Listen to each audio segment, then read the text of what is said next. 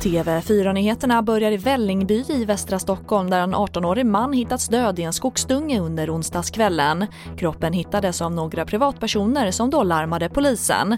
Och enligt polisen kan brott inte uteslutas och har därför inlett en förundersökning om mord. Och sen till Kiruna där en person dött efter ett bråk på en buss. Händelsen rubriceras som mord alternativt dråp och flera personer är gripna. Och lokaltrafiken i centrala Kiruna kommer att vara inställd under torsdagen.